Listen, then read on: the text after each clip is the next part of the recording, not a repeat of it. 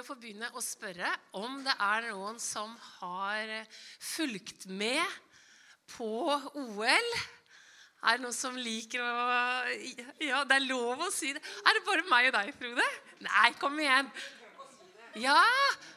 Har dere fått sett litt? Vet du, Jeg synes det har vært eh, Jeg har også bare fått sett litt, altså, men jeg synes det har vært veldig gøy med langrenn og med skiskyting. Curling synes jeg har liksom ikke fanga helt interessen hos meg. Men når jeg ser at Norge gjør det bra, så begynner jeg ja, Curling, kanskje det var noe å begynne med? liksom. Det syns jeg var gøy å se, se på. da. Og tro det eller ei til dere som kanskje ikke har fulgt så veldig mye med, men så vant jo Norge hele Vi hadde flest medaljer. 37 medaljer. Lille Norge, liksom. Hæ? Oi, oi, oi. Nei, det var gøy. Og det var 16 gull, 8 sølv og 13 bronse. Så vet du hva, vi må virkelig være stolte av de her topptrente idrettsutøverne våre. altså.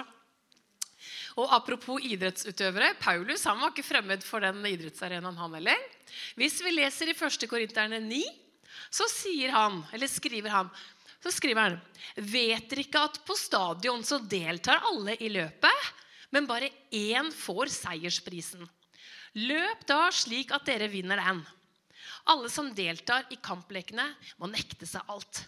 De gjør det for å vinne en seierskrans som visner. Vi for å vinne en som aldri visner. Jeg løper derfor ikke uten å ha et mål.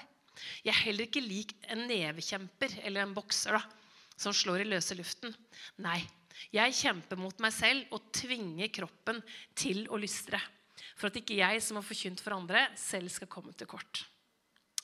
Vet du, Jeg tror at enhver toppidrettsutøver vil kjenne seg igjen i det her. Men greia er jo da, at de versene her de er jo til vårs. Jeg vet ikke hvordan det er med deg, men jeg er jo ikke en toppidrettsutøver. Nå skal ikke dere se så veldig overraska ut. Og greia at jeg har et veldig lavt konkurranseinstinkt òg, vet du. Så her er det ikke mye som taler for at jeg skal opp i, det, opp i noen ligaer her. Men allikevel så kan jeg liksom finne meg i det og konkurrere litt med meg sjøl. Setter man noen mål og, og gjør noen justeringer liksom for å sånn, prestere litt bedre eller endre på noe.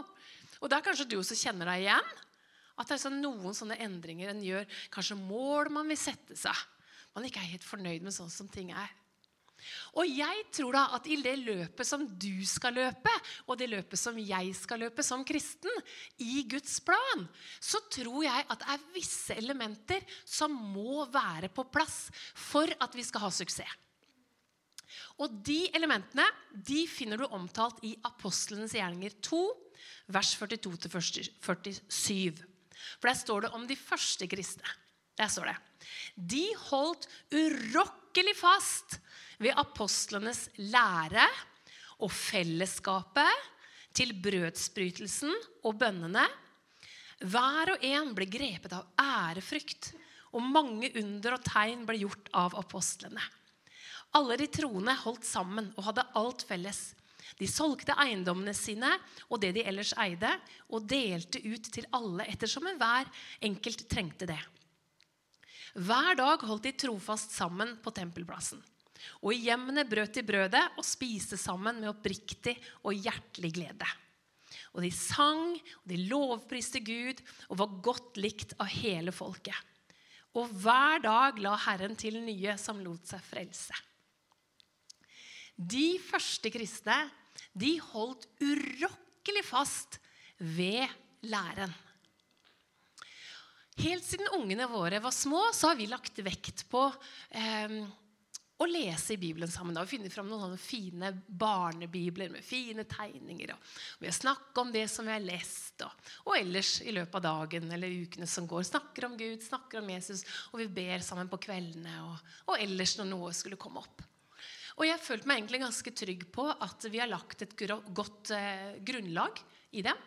Det har jeg følt meg trygg på helt fram til en vinterdag i 2018.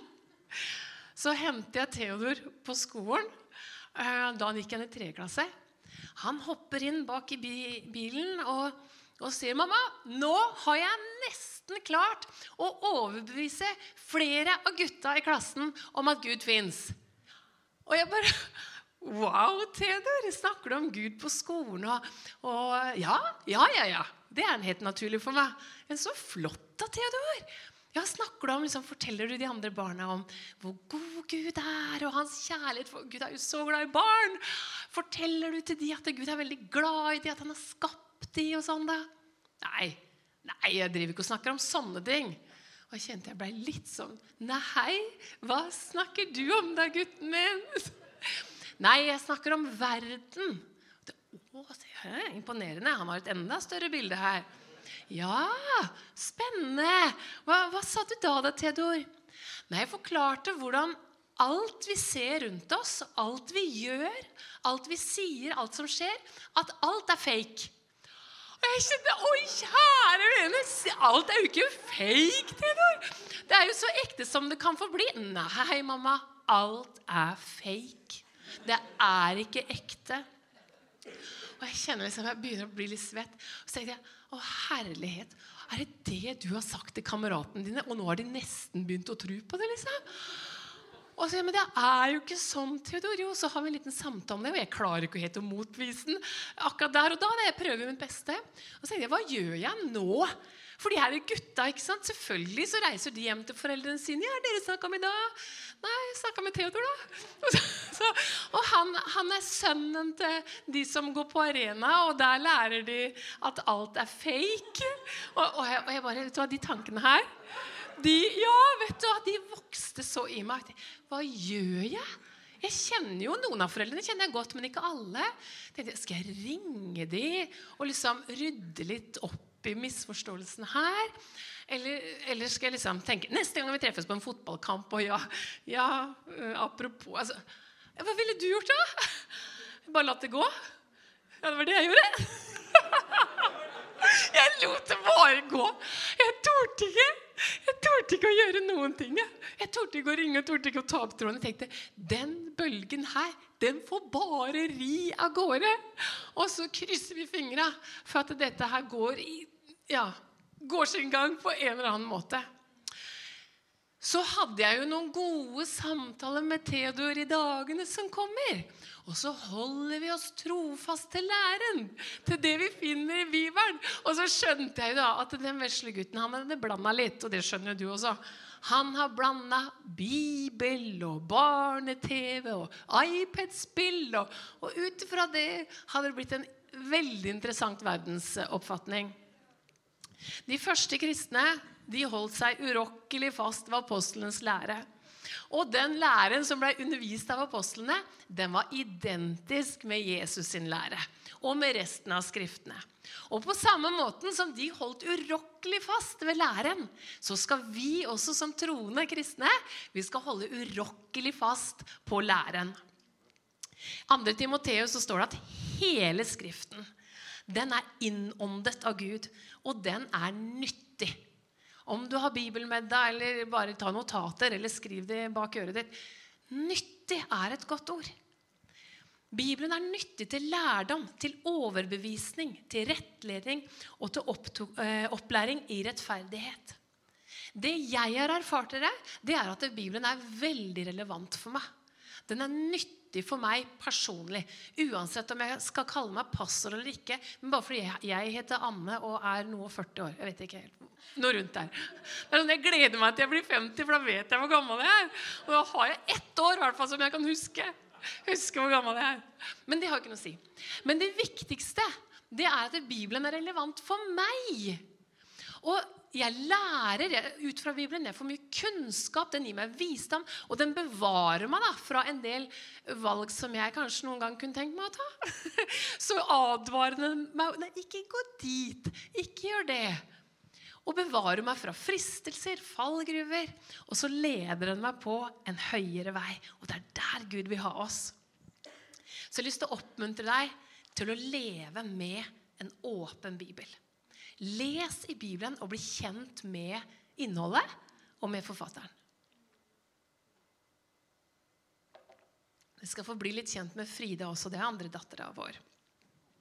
Andre datter. Nei, vi har jo bare én datter. Vi har det. Takk, takk, David. Jeg må ha sånn sufflør på sida noen ganger. Andre barnet vårt må det bli. Men hun var førstemann, da. Først, ja. Dere skjønner hva vi mener. Håper jeg. Jo, her om dagen så spurte jeg Frida så jeg, du, Kan jeg spørre deg om noe? Hva syns du er det aller beste med å være med i en kirke? Og hun sa 100 fellesskapet. Og jeg tenkte Mamma og sånn, da? Taler og liksom når jeg forteller litt Nei, nei det var ingenting av det. Men så tenkte jeg det hun sa da, det var så bra. 100% fellesskapet. Og så spør jeg henne ja, fortell. Når jeg sier nei på arena, så er det så mange forskjellige mennesker. Og jeg kan få så mange venner fra ulike steder, ikke bare på skolen min eller i nabolaget. Men jeg kan møte så mange forskjellige mennesker. Og selv om de er forskjellige, så har vi de samme verdiene og den samme troen på Gud. Og jeg tenkte, Det er sant. Det er utrolig bra. Og når de første kristne de holdt fast ved fellesskapet Hvorfor det? Nei, Det må vel være fordi det er innmari viktig. da. Og på samme måte så skal du og jeg vi skal holde oss trofast til fellesskapet. Til samholdet. Så vi har en tilhørighet. I Hebreerbrevet så står det at eh, vi skal ikke holde oss borte når menigheten samles. Så når menigheten samles, så samles jeg. Når menigheten samles, så samles du. Og det er ikke som en sånn bud og regler. Nei, vet du hva? Igjen, det her er nyttig for deg. Det her er godt for deg. Og i Arena så har vi disse storsamlingene som vi er på nå. Gudstjenestene. Men så har vi også små samlinger, sånn som Connect-grupper og andre treff. Og på Connect-grupper så har man liksom mindre grupper. Tre, fire, fem, opp til tolv noen ganger. Og der blir man enda bedre kjent med hverandre. Det er der man treffes, man spiser litt sammen, man deler livet, oppturer, nedturer, bortturer. Og det også er veldig, veldig viktig og godt. Og jeg vil oppmuntre deg. Én ting er å ta initiativ selv. Gjør det til å samles. Samle få eller samle mange til et eller annet. Ta initiativ, for nå kan vi det.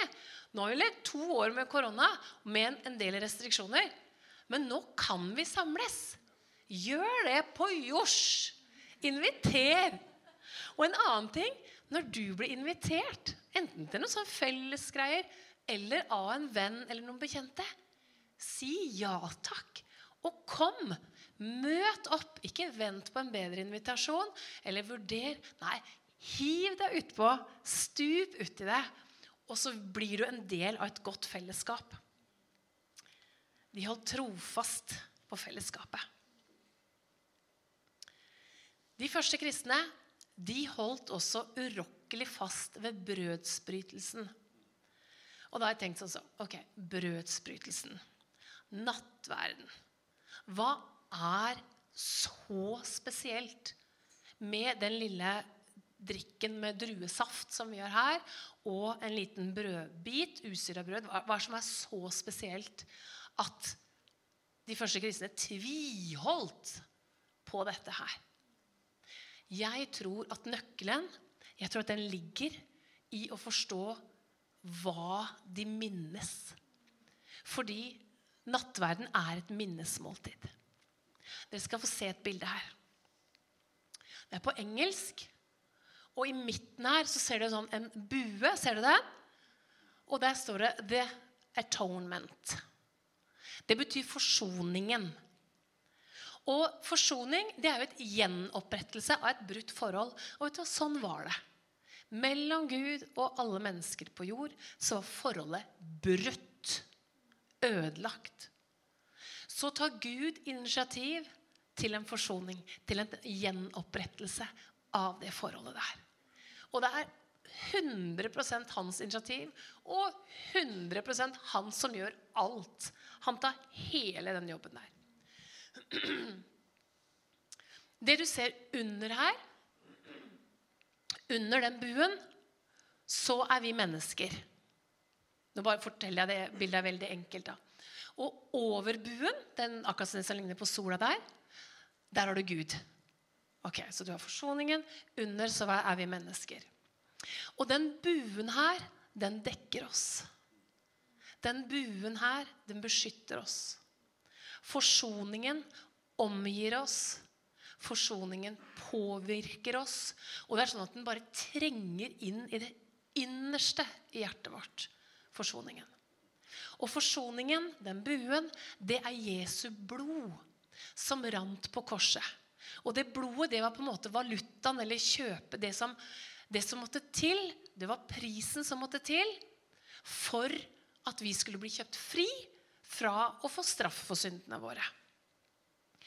Over forsoningen så har du Gud i all sin hellighet, i all sin storhet og i all sin makt. Og under buen, som sagt, så har du oss mennesker. Når Gud ser på oss mennesker, så ser han deg og meg gjennom forsoningen. Så når han ser på deg og meg da, så ser han hellighet. Han ser at du er skyldfri. Han ser at du er feilfri. Han ser at du er tilgitt, og du er ren. All synd ble nemlig vaska bort i forsoningen.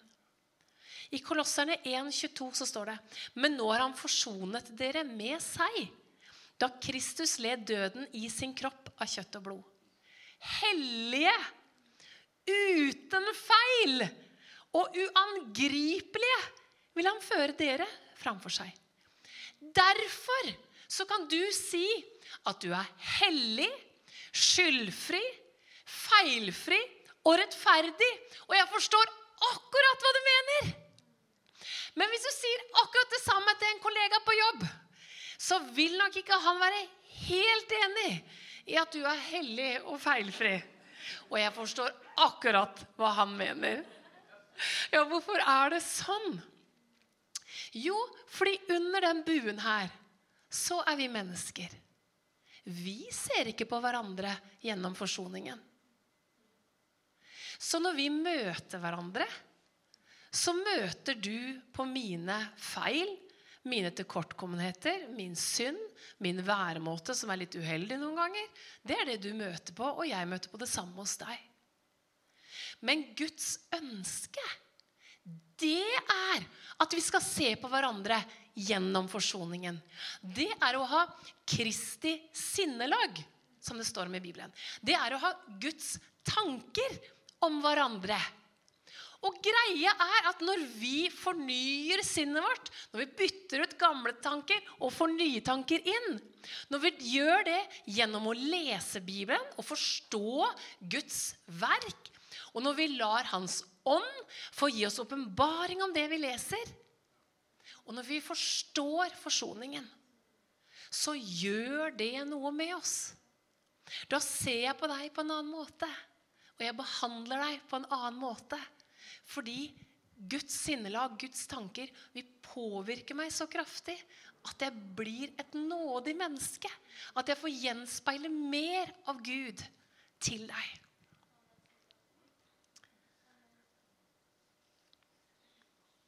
I andre Korinterbrev 5, 16-21 så står det Så kjenner vi ikke lenger noen bare på menneskelig vis.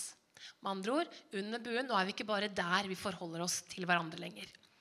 Og har vi før kjent Kristus på menneskelig vis, ja, så kjenner vi ham ikke lenger slik.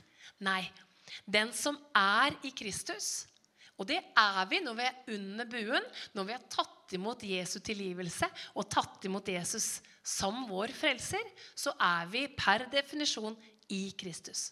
Nei, den som er i Kristus, er en ny skapning. Det gamle, det syndige, er borte. Se, det nye er blitt til. Men alt er av Gud. Han som ved Kristus forsonte oss med seg selv og ga oss forsoningens tjeneste. For det var Gud som i Kristus forsonte verden med seg selv, slik at han ikke tilregner deres, dem deres misgjerninger. Han regner ikke med vår synd lenger. Det er tilgitt. Og han betrodde budskapet om forsoningen til oss så er vi da utsendinger for Kristus. Og det er Gud selv som formaner gjennom oss. Vi ber dere på Kristi vegne. La dere forsone med Gud. For han som ikke visste av synd Jesus han synda aldri. Han visste ikke av synd. Har Gud gjort det synd for oss? På korset tok han på seg all synd. For at vi i Jesus skulle få Guds rettferdighet. Derfor er du ikke lenger en synder, men du har blitt rettferdiggjort. Og da tenker jeg sånn så Ok, hvis nattverden er et minnesmåltid om forsoningen, ja, da er det verdt å tviholde på den og holde urokkelig fast ved den. De første kristne de holdt også urokkelig fast ved bønnene. Innledningsvis så leste vi jo det verset eh, fra idrettsverdenen. Der alle konkurrerer med hverandre, men det er bare én som kommer liksom øverst på pallen og får seiersprisen.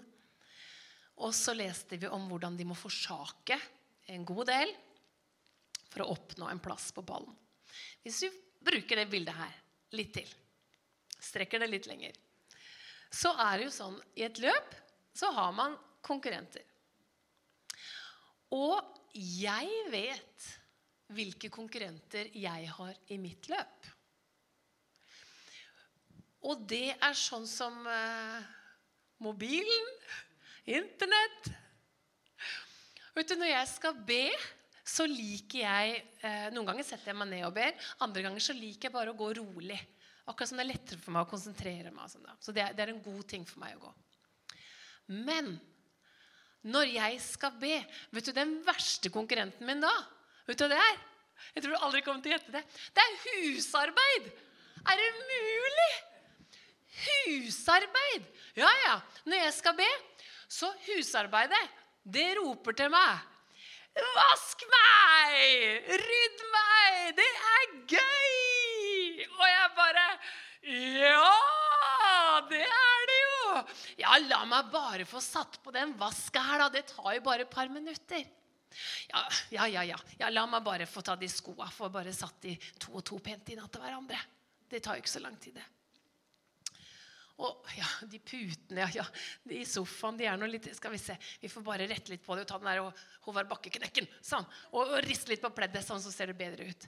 Jeg skal bare eh, La meg bare Ja, jeg kan jo bare gjøre Og dermed så vinner husarbeid over meg.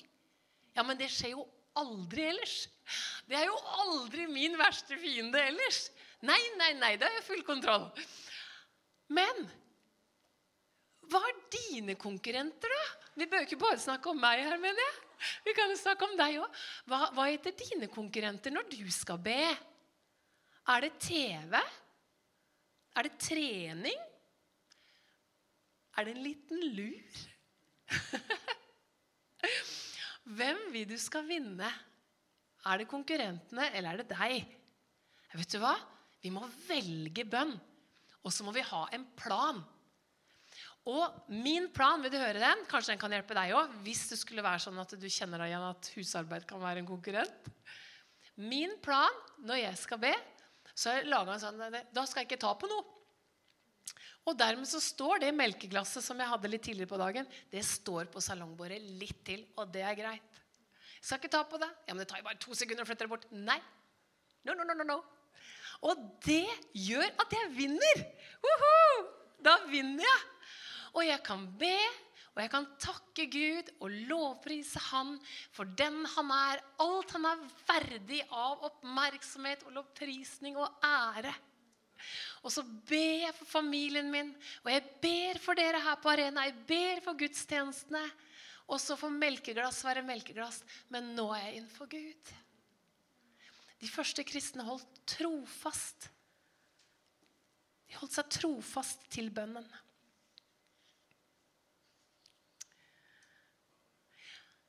Når Rolf Inge og jeg når vi gifta oss, så gikk vi raskt over til å ha fellesøkonomi. Og det var sånn at vi begge to jobba, og vi satte de pengene inn på konto. Og så den av oss som trengte det mest, så bare fordelte vi pengene ut ifra det. De første kristne hadde alt felles. De delte seg imellom etter hvert som de trengte det. Og nå mener ikke jeg at vi i Arena skal ha felles økonomi. Du skal få ha din økonomi, og jeg skal få ha min. Men jeg tror vi skal ta med oss en veldig viktig tanke. Og det er at vi alle sammen skal få bidra. Vi skal få gi inn i fellesskapet. Det er en god tanke. Og Jeg har lyst til å vise dere et enkelt bilde på det. Og Det er et isfjell. Og isfjellet i seg selv er jo alltid veldig stort. Og så er det sånn at det er en liten del som er synlig, og det er en stor del som er usynlig. Og den delen over der, det er handlingene våre. Det er det som syns, det som høres. Det syns for andre mennesker. Men alt det under overflata, det som ingen ser, vet du hva som ligger der? Der ligger verdiene dine. Det som er viktig for deg. Og når det kommer til det å gi, så kan det være fort at vi lar følelser styre om vi skal gi eller ikke. Eller hvis vi er motivert, ja, da gir vi. Men ikke er så veldig motivert, så bare lar vi det ligge. Og greia at Hvis vi lar følelser styre, så tror jeg ikke vi alltid gir så mye, og heller ikke så ofte. Jeg tror at det er bedre å la verdier få styre. Hva du gir, og når du gir. Da er det gjennomtenkt og grundig, og du velger å la det som er viktig for deg, styre handlingene dine. Så hvis toppen av det isfjellet, hvis vi tenker at det er å gi, hvilke verdier ligger under deg da? Ja, gavmildhet, sjenerøsitet, gjestfrihet ligger under der, og nestekjærlighet. Og disse verdiene de bygger et veldig godt fellesskap. Så jeg ønsker å oppmuntre deg til å benytte de mulighetene til, som kommer din vei, til å gi. Men også skape noen muligheter. Vær litt kreativ, vær litt idérik. Og gi på ulike måter.